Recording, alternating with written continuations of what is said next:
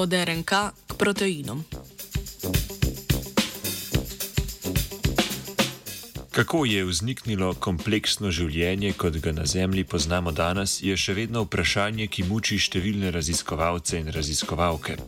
Skupina znanstvenikov in znanstvenic je pred nekaj dnevi objavila prepričljivo raziskavo, v kateri so pokazali, da naj bi ključno vlogo pri spočetku življenja igrala interakcija med molekulami RNK in peptidi.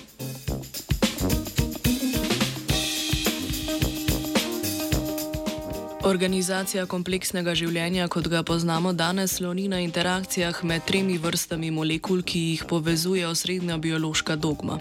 To sta nukleinski kislini DNK in RNK ter proteini. Naloga molekule DNK je hramba genetskih informacij, medtem ko molekula RNK sodeluje pri prenosu informacij iz dednine kar vodi v izgradnjo proteina.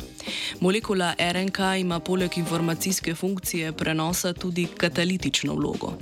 Prav zaradi sposobnosti RNK za kataliziranje določenih kemijskih reakcij ima molekularna biologija za eno prvih in pomembnejših molekul, ki so omogočile nastanek kompleksnega življenja na Zemlji. Thank you.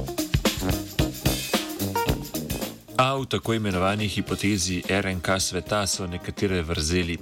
Eno izmed ključnih neodgovorjenih vprašanj je namreč, kako so molekule RNK same omogočile izgradnjo proteinov. Prav proteini so namreč tisti, ki danes v celicah opravljajo najkompleksnejše operacije. Proteini v kompleksni celici sicer nastanejo v procesu prevajanja na ribosomu, v katerem imajo ključno vlogo tako molekule RNK kot proteini, vendar ti proteini ne obstajajo od nekdaj.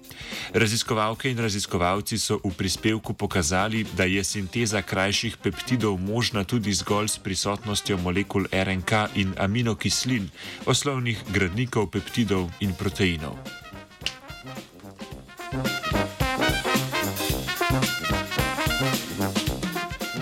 Pokazali so, da imajo pri procesu izgradnje peptidov na molekulah RNK pomembno funkcijo kemično modificirani oziroma nekanonični nukleozidi.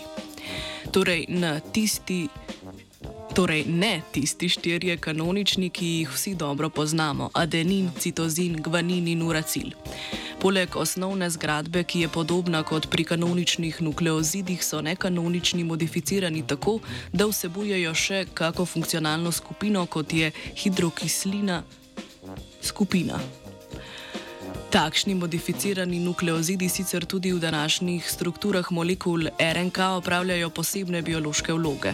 Med drugim lahko tvorijo kovalentne vezi s krajšimi peptidi, to pa naj bi omogočilo postopno izgradnjo polipeptidov polipeptidne verige na molekuli RNK. Kot povdarjajo raziskovalci, je bil tu morda ključen prav soobstoj kanoničnih in nekanoničnih nukleozidov.